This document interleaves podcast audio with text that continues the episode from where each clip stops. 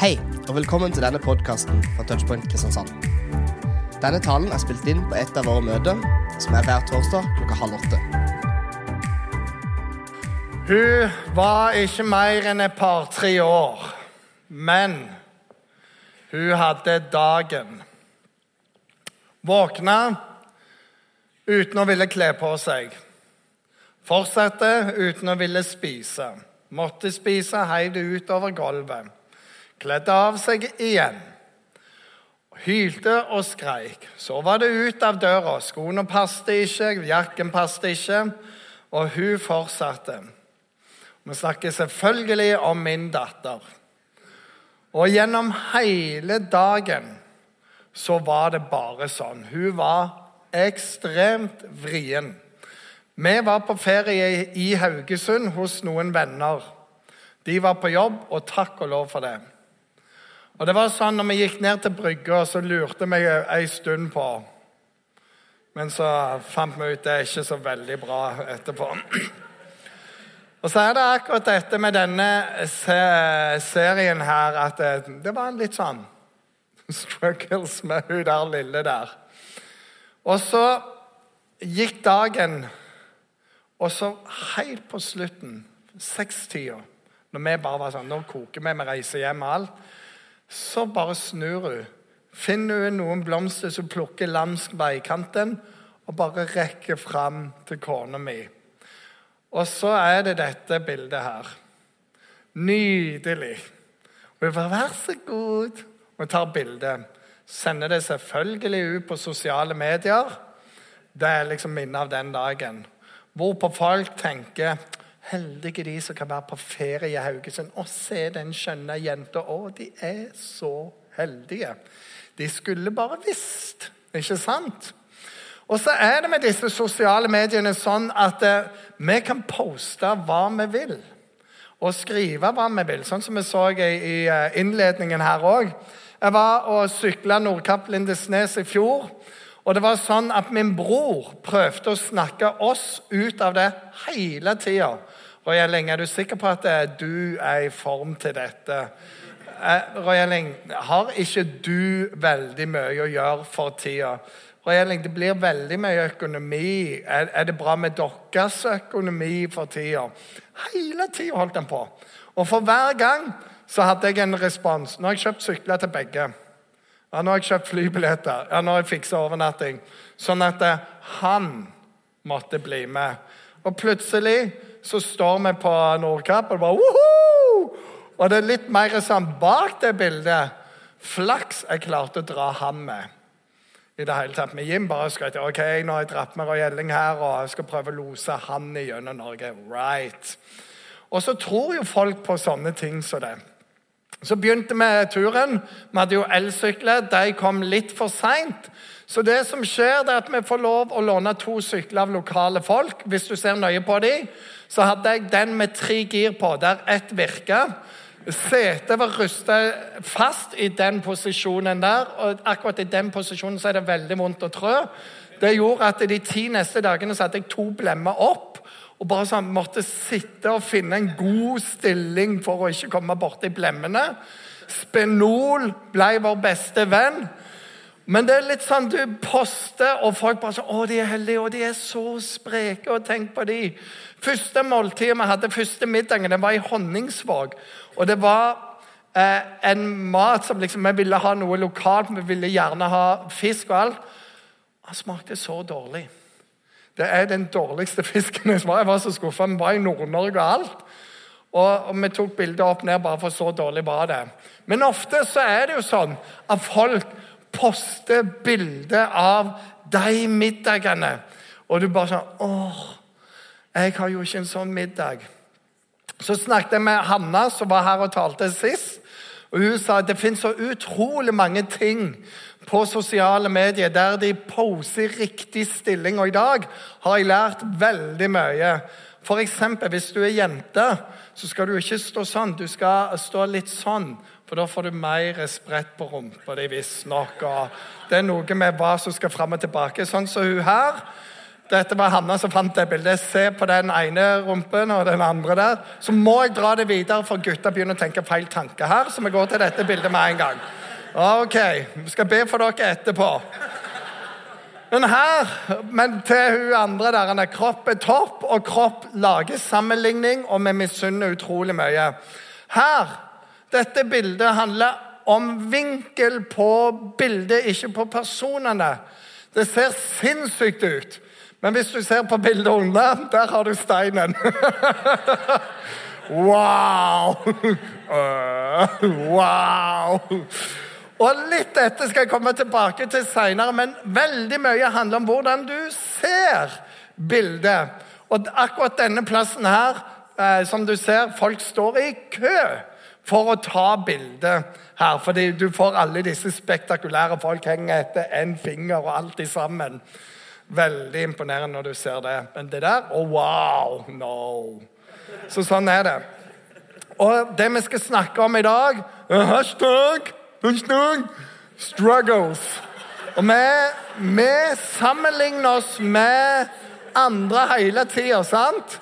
For eksempel eh, Isak som er oppe og, og leder møtet her, så tenker jeg jeg blir aldri så morsom som han. Han bare tar det hver eneste gang. Så må jeg leve med det. Og kompisene til Isak de tenker fillen, han har kjæreste, og det har ikke jeg. Og Det er litt sånn sammenligning, så gratulerer til deg, og synd for dere andre. Leit bedre. Men det som er med, med, all denne teknologien som vi omgir oss med, det er utrolig mye bra. Sosiale medier har gitt oss muligheter som vi ikke har hatt noen gang. Men det er òg baksida er større enn noen gang i historien. En av de tingene som lider mest, det er at eh, relasjonene blir så skada. Og vi har blitt så redde for å snakke med folk. Fremmede blir en sånn distanse. Og det er veldig rart, for du kan sitte over et bord og ikke klare å si hei. Men heller kan du sitte og tekste til hverandre og være veldig nærme. bare sånn, Løft blikket og si hei. Nei, det er umulig. Men vi tar det heller på media, for det blir mye lettere. Og så lager vi en illusjon om at vi kan få kameratskap, kompiser, venninner på den måten. Men det er ikke en ekte måte. Det er bare lettere å la være å prate. Og det er veldig interessant fordi vi snakker om øyeblikkets respons. Og For noen år siden så eh, Du vet du har minutt, så har du sekund. Men nå har du boblesekund. Boblesekund det er den tida du ser du har sendt en melding, og så bobler det hos deg fordi den andre skriver noe. Det er boblesekund. Tutesekund det er fra det går fra rødt til grønt og bil nummer to tuter. Det er et tutesekund. Men boblesekund det er denne her øyeblikkelige responsen som vi venter på. Og vi føler oss ensomme. Og når jeg sammenligner meg med andre så sammenligner jeg alltid deres beste side med mine dårligste. Og jeg kommer alltid tapende ut. Og alle de bildene jeg viste deg der, handler litt om det. Vi poster som regel det beste øyeblikket.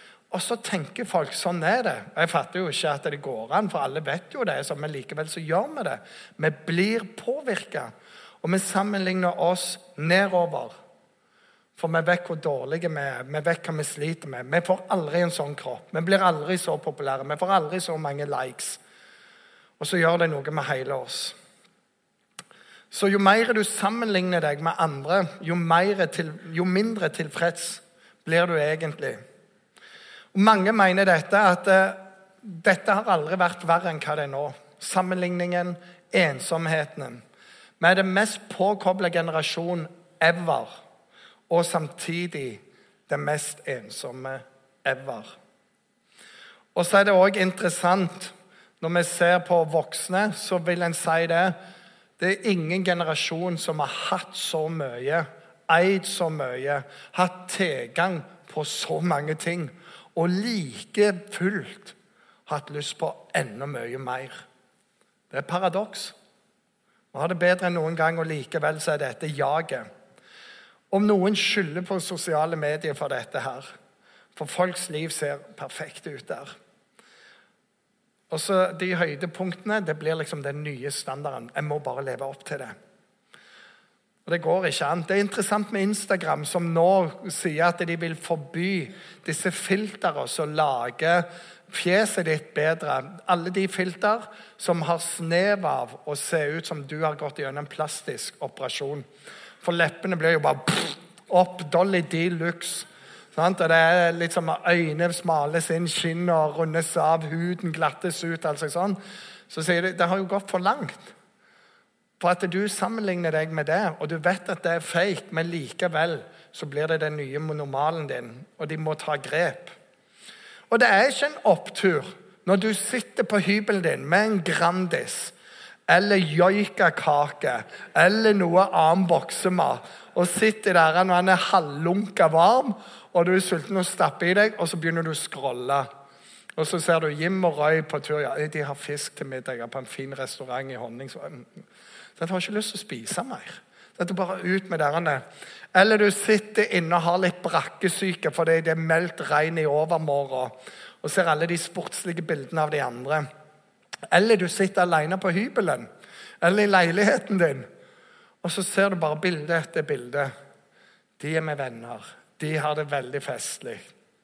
Og Av og til er det fake, sånn som hun jenta der som bare Hei! Med vennene mine. Yeah, right. Men du blir mer ensom av det. Og det er veldig hardt når postene dine ikke får så mye likes som de andre sine. Og verdien din måles i sammenligningen. Problemet er om du vinner den like-greia, så er du fortsatt ikke lykkelig. Det er et jag.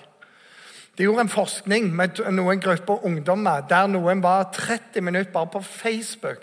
Og alt de gjorde, var bare å scrolle seg ned igjennom, bare lese. Og Etter de 30 minuttene så var en tredjedel av den gruppa merkbart i dårligere humør.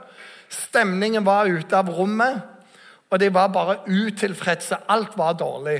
Bare av å scrolle gjennom Facebook. Jeg har ei venninne som hun prøver å fikse dette her. For hun er litt sånn Folkens! Livet er ikke sånn som det fremstilles på Facebook! Og jeg er sånn Wow! Dere må ikke tro det! Og jeg tenker, Den du preker til, er kun deg sjøl. Vi andre har forstått det. Så det vi må gjøre, medisinen mot dette, er å poste uperfekt av oss sjøl. Og så prøve, og så er det sånn Nice try, men det er ikke medisinen er overhodet ikke medisinen. Vi kommer tilbake til hva medisin er, for det fins en medisin. Men sosiale medier med å avdekke misnøye i våre liv på noen områder. Jeg skal ta det raskt. Det første er det materielt og finansielt. Og noen er der. Hvis du har fulgt med på serien Exit, så det er interessant når disse mannfolka har en sånn der dyp mann-til-mann-samtale. Og de snakker om Hva har vært en sånn skikkelig low point i livet ditt? Sånn kjipt og sånn. Og så kom han ene og var skikkelig skikkelig low point. Hadde kjøpt en ny BMW. Jeg var kongen av gata. Jeg cruisa ned igjennom. Bare kjente. Jeg levde. Og så kommer det en bil, en ny BMW, med modell jeg ikke hadde hørt om. Og der sitter det tre unge gutter. Jeg kunne sunket gjennom jorda. Jeg hadde så lyst til å banke dem opp og bare forsvinne, og alt sammen. For de hadde en nyere BMW. Materielt og finansielt sjalusi. Og det går i at du misunner andre for den veska de har kjøpt. Nå er ikke det Michael Kors lenger, nå er det Chanel tilbake igjen. Hvis noen har kjøpt seg en leilighet eller et hus, og du misunner dem et ekstra soverom ja. Kjenner ikke det i det hele tatt. Folk som har kjøpt seg klær, og de er litt fine, men de er ikke så fine fordi du har en bedre pose. Eller de er ute på en reise som du ikke har råd til. Går i materielt, finansielt, og det er en misnøye der. Det neste det er relasjonell. Du sammenligner det relasjonelt. Og det går jo på det.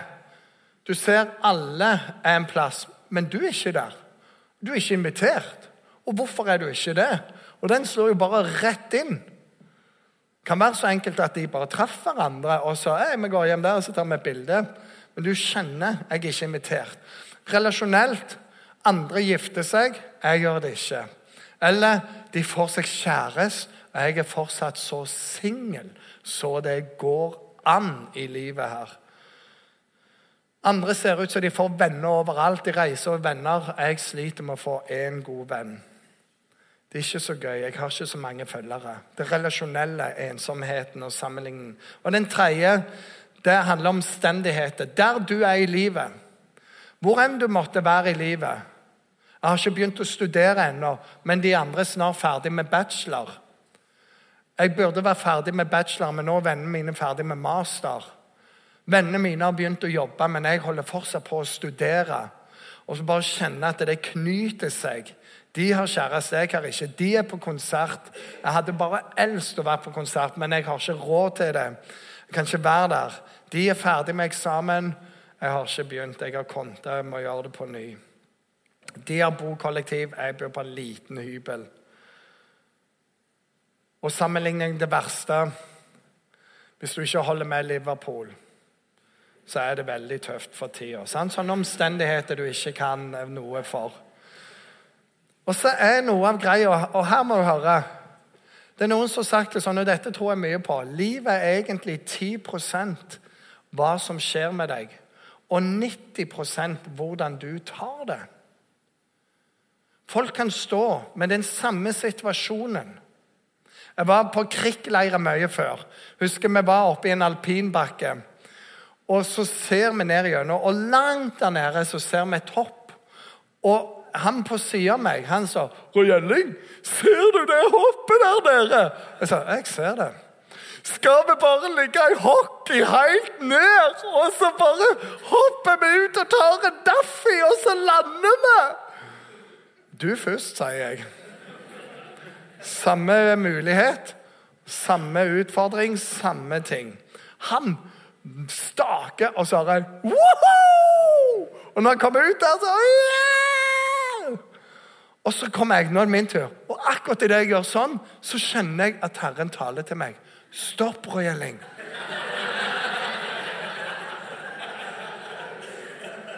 Hva som skjer, Gud?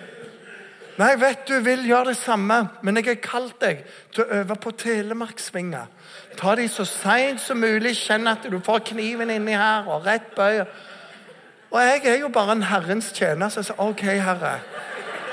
Og tar liksom den ene svingen etter den andre og kommer rett over og, og yes i livet. Så 10% det som hender deg, 90% hvordan du responderer på det. Og det er hvilke briller har du på? Vi skal lese et bibelvers. Fordi vi lever ofte litt som motsatt av dette. herrene. Vi vet på en måte ok, livet er 10 uh -uh, Livet er 90 det som hender meg. Og jeg har egentlig ikke noe valg. Jeg må bare respondere sånn. Nei, ikke helt sant. Les dette her. Det er Paulus som sier det. Paulus han sitter i fengsel, og på dette fengselet han sitter nå i, så sitter han lenka fast til en fangevokter 24 timer i døgnet. Hurray! Så skriver jeg jeg sier ikke dette fordi jeg led nød, for jeg har lært å klare meg med det jeg har. Ingen misunnelse i det å lære seg å klare seg med det en har. Jeg vet, det, jeg vet hva det vil si å ha det trangt, jeg vet hva det vil si å ha overflod. I alt og i alle ting jeg innvia. Å være mett, og være sulten, og ha overflod og lide nød. Alt makter jeg i Han som gjør meg sterk. Der har du noe av nøkkelen. Og Paulus han gikk gjennom et liv som var hinsides. Når han begynner å ramse opp hva han har vært igjennom, så er det bare sånn Herlighet, hvordan henger du sammen? 10% er det som hender med deg. 90% er hvordan du tar det. Og Han bare sier 'Der skal jeg være'. Dette verset En god kamerat av meg som nå er pastor i Vågsbygd, han har levd dette verset. Jeg husker når han kjøpte rekkehus i Vågsbygd. Det var det minste rekkehuset som gikk an å oppdrive. og det var sånn, Måtte gjøre noe med alt inne, alt ute og med gården og alt sammen. Og vi gikk til han hele tiden og sa Ønsker du deg ikke noe annet? Det var liksom ikke det vi hadde drømt om. Og Det er jo interessant at han slo ned en vegg For da kunne han ha hylla på den ene sida og bare vegg på den andre. Da fikk han litt mer plass. Så lite rekkehus hadde han. Og så sier han, 'Jeg har lært å nøye meg med det jeg har.' Og jeg har lært å takke for det jeg har, istedenfor å misunne det jeg ikke har. Og vi kjente jo den stakk litt. Men det er det det handler om. Og du vil alltid ha en kamp om misnøye fordi du sammenligner deg med andre, og du vil sammenligne deres styrke med dine svakheter. Med mindre du gjør dette her. At Jesus blir det som betyr noe. Alt makter jeg i Han som gjør meg sterk. Alt. La Jesus bli sentrum. Og når du måler deg, så måler du deg i Han. Jeg har det jeg trenger i dag. Nåden er ny hver morgen. Han har gitt meg kraft å leve på. Han gir meg skatter som jeg skal få lov å finne. Han har gitt meg en flokk som heter menigheten. Det er min nye familie. Han lar sin velsignelse være over meg. Hans nåde er der. Og det er bare sånn wow! Tilgivelse for fortiden, plan for nåtida, en sikkerhet for framtida. Alt makter jeg i Han som gjør meg sterk. Så hvordan kan dette se ut for oss? Det er to ting. To enkle ting. For gjennom styrken Jesus gir, når du setter han i sentrum, når du begynner å bruke tid med han, når du går til han med alle ting i bønn, merker du at hjertet ditt gjør noe. Det første slutte å sammenligne deg med andre. Det er nøkkel nummer én i livet. Slutt å sammenligne deg med andre folk. Det står dette vi våger ikke å regne oss blant visse andre som gir seg sjøl anbefaling, eller sammenligne oss med dem. Når de bruker seg selv som målestokk og sammenligner seg med seg selv, viser de sin uforstand. Og det er da folk som er ganske høye på seg sjøl. Altså, bare sånn, ah. Så sier Paulus vi er ikke sånn. Det er Kristus som må være vår anbefalingsbrev. Det er det vi har gjort. Så må dere si om det er godt nok eller ikke. Men de andre de viser grov uforstand når de sammenligner seg sjøl på den måten der. For min del så er det sånn Jeg er vokst opp ikke i en fattig familie. Det var bare det at vi aldri hadde penger. Så vi hadde aldri idrettstøy. Når de andre kom med favorittlaget sitt på drakt og på trening Stort sett et engelsk lag, og av og til et spansk et.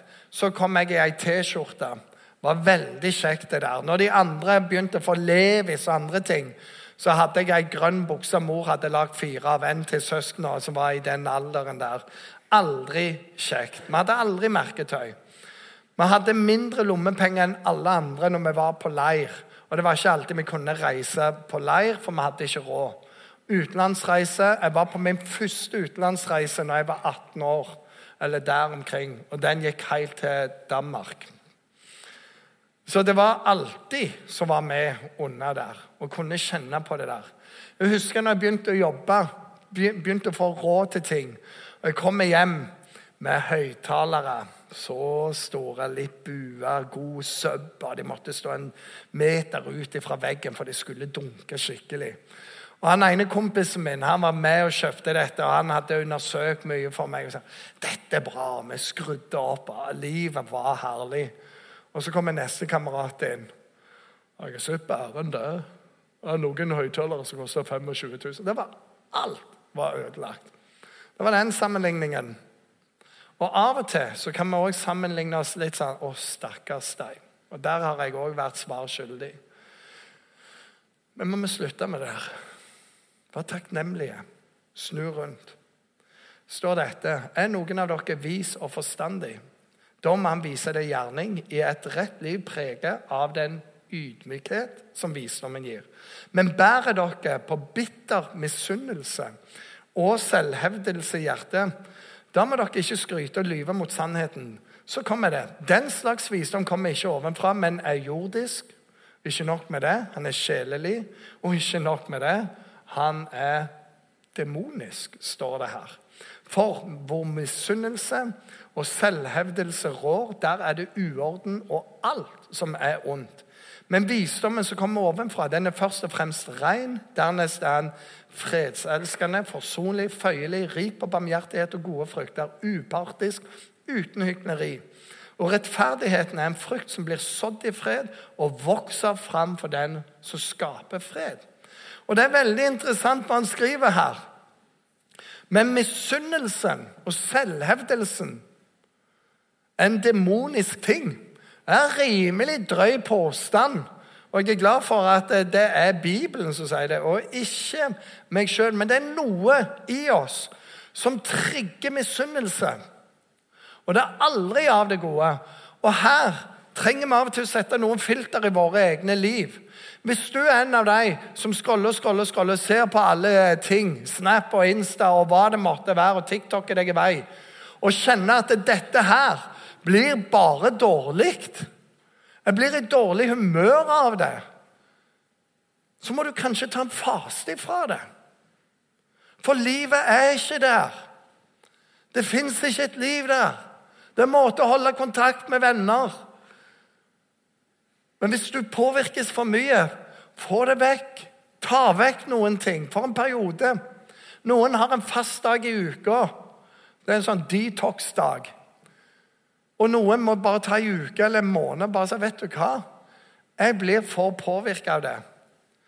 Noen blir trigga av reklame, andre ting som kommer i posten, ting de ser på nettet ellers, ikke sosiale medier. Og så merker jeg at dette gjør noe med meg. Det, det drar meg ned. Men jeg er tiltrukket av det likevel. Og igjen, da må du sette barriere der.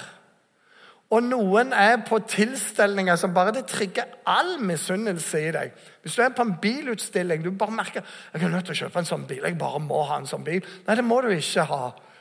Og, og du kan ikke ha alle de bilene uansett. Hva skal du med dem? Ja, bli konk, vet du. Kjempebra. Nei, så må vi finne ut hva er det med deg, for vi har forskjellige triggerpunkt. Og det kan være at du må gjøre noe som ingen av vennene dine må gjøre. Men du vet, jeg er nødt til å gjøre det fordi det ødelegger. Jeg har et triggerpunkt i spilling. Og Det visste jeg fra jeg var ti år. Alle, vi var nede i Forup i sommerland, og alle var rundt på alle karuseller. Jeg sto bare inne i en spillehall hele dagen. Og Da fant jeg ut jeg har et spilleproblem. Og mitt spilleproblem heter 'jeg skal vinne'. Og jeg holder på til jeg vinner hva som helst. Har det bare i meg. Så det er en haug med spill som bare sier 'det kan ikke jeg spille'. For det trigger det meg. Og Hvis jeg har spilt Risk og sånne brettspill som tar fire timer, det nytter ikke. Jeg ligger hele natta og bare tenker gjennom alle trekk jeg kunne ha gjort, og hvor uheldig jeg var, hvorfor Gud ikke velsigner meg mer, og alle disse herrene idiotene som kaller seg venner, hvorfor de ville vinne over meg, og all slags sånne ting. Jeg er pastor og alt. Så det er mange ting som jeg bare sier Det kan ikke jeg gjøre. For det trigger noe i meg som er helt forferdelig. Og det er sånne små apper òg som bare er eh, tidsfordriv, som bare, jeg må bare slette. For jeg er der bare hele tida. Jeg blir i dårlig humør.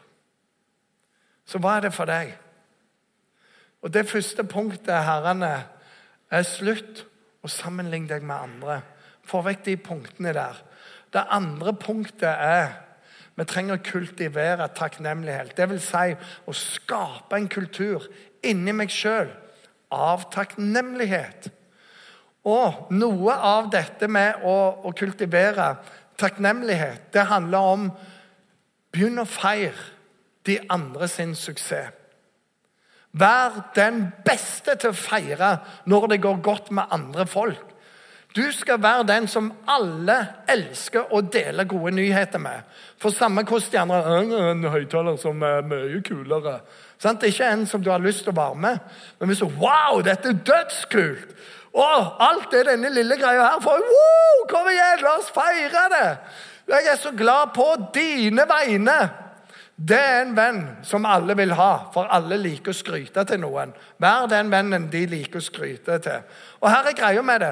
Du blir ikke tom av å velsigne andre.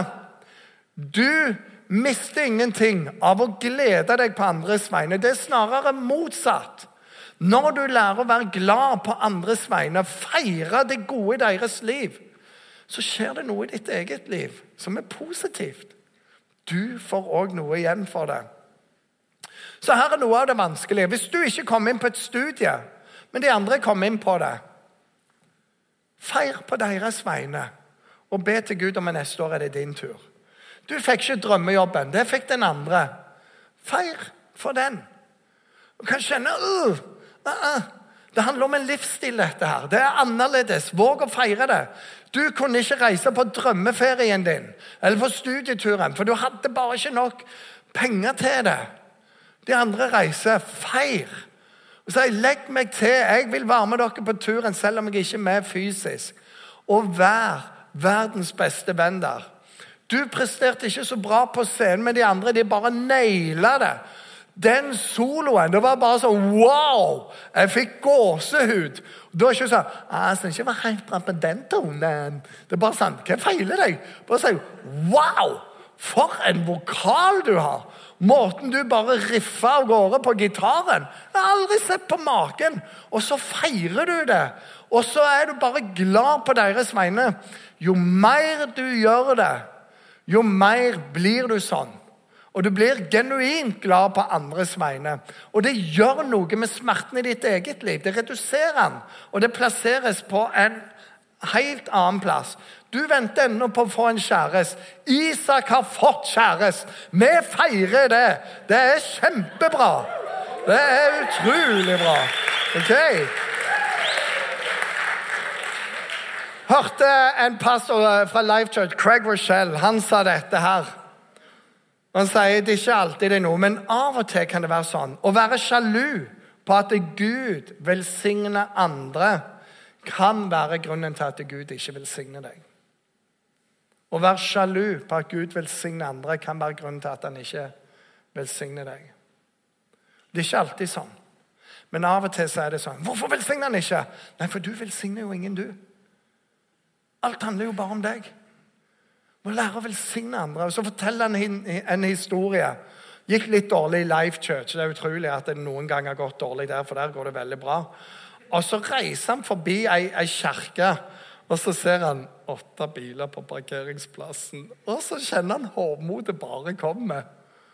Og så tar Gud han ei stripe og sier, 'Hvem er du?' Skulle ikke du be for dem? Skulle ikke ønske at de gjorde det bra? Og han måtte omvende seg. Og virkelig fikk en nød for den menigheten bar for dem.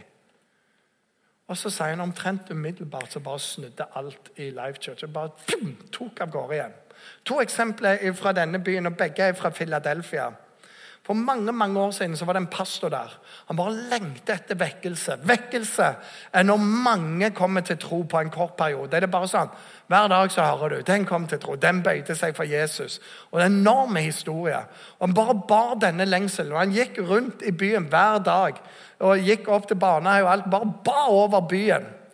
Og ba om at Gud måtte føre folk til Philadelphia om at Gud måtte bruke dem til å stå i vekkelse. Så sier Gud til ham mens han står der og ber, be for baptistene, for det er der jeg kommer til å sende det. Ikke helt der! Jeg er pastor i pinsemenigheten. Ja, men be om vekkelse for baptistene, for jeg kommer til å skjønne det. OK. Kjære Gud. Og, altså, og jeg kjente alt i meg. Det er på ren vilje. Og så ber han videre. Og så, og så kan du sende noen til Filla og Gud. i Jesu Be for Misjonskirka Salem. Åh, oh, jeg har tenkt så mye bra for dem. Ah!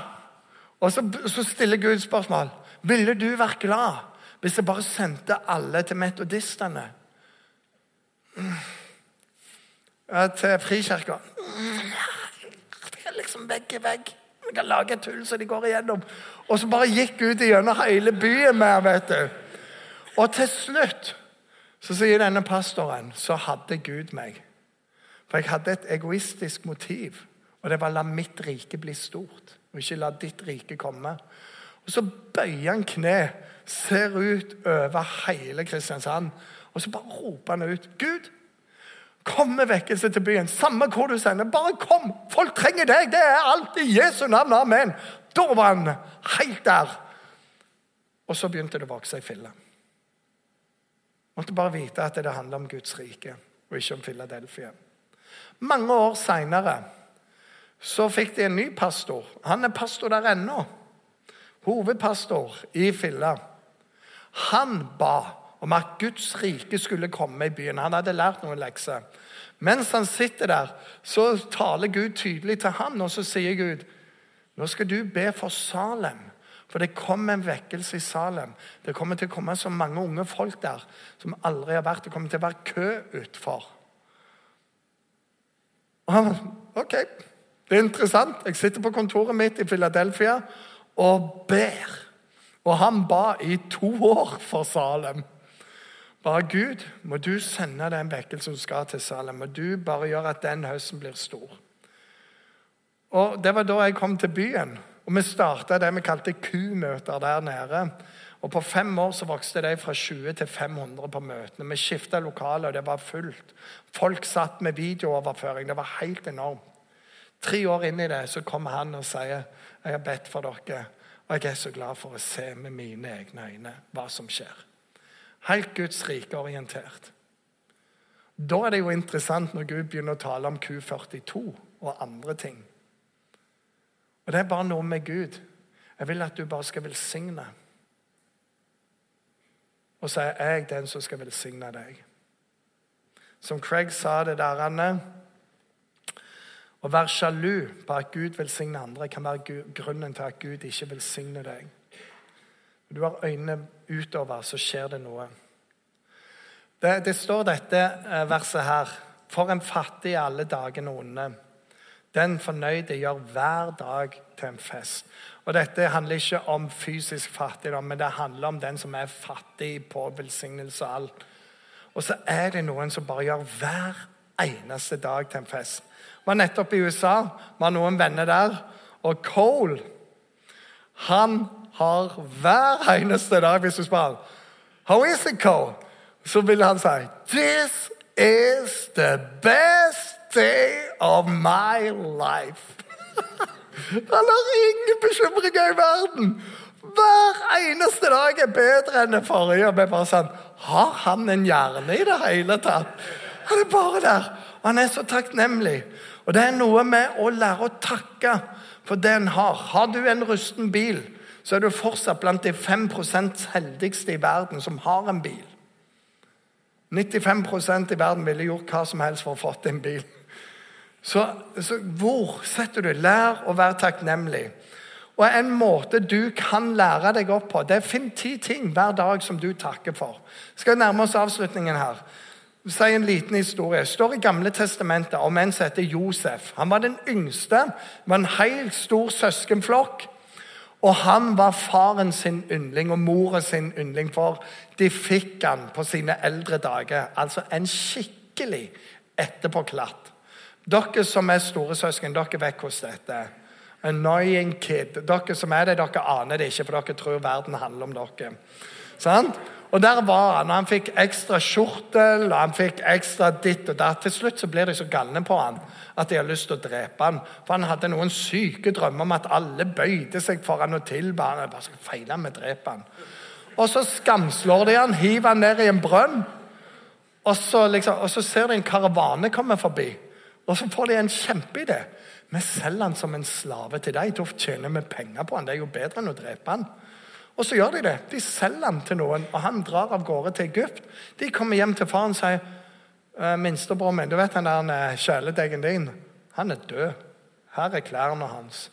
Beklager, far. Og Det må være de verste pengene de noen gang har fått i sitt liv. Og Så er det bare å spole framover. Han er i fengsel det skjer utrolig mange ting.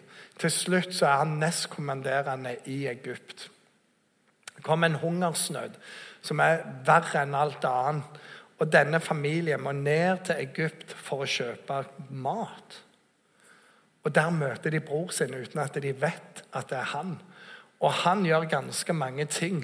Og Til slutt så kommer dette møtet mellom han og brødrene. Og brødrene vet han kan drepe oss nå. Han har makt til det. Han kan gjøre sånn, og så er vi ferdig. Og de bare bøyer kne for ham, som det var i drømmen. Og så sier jeg beklager.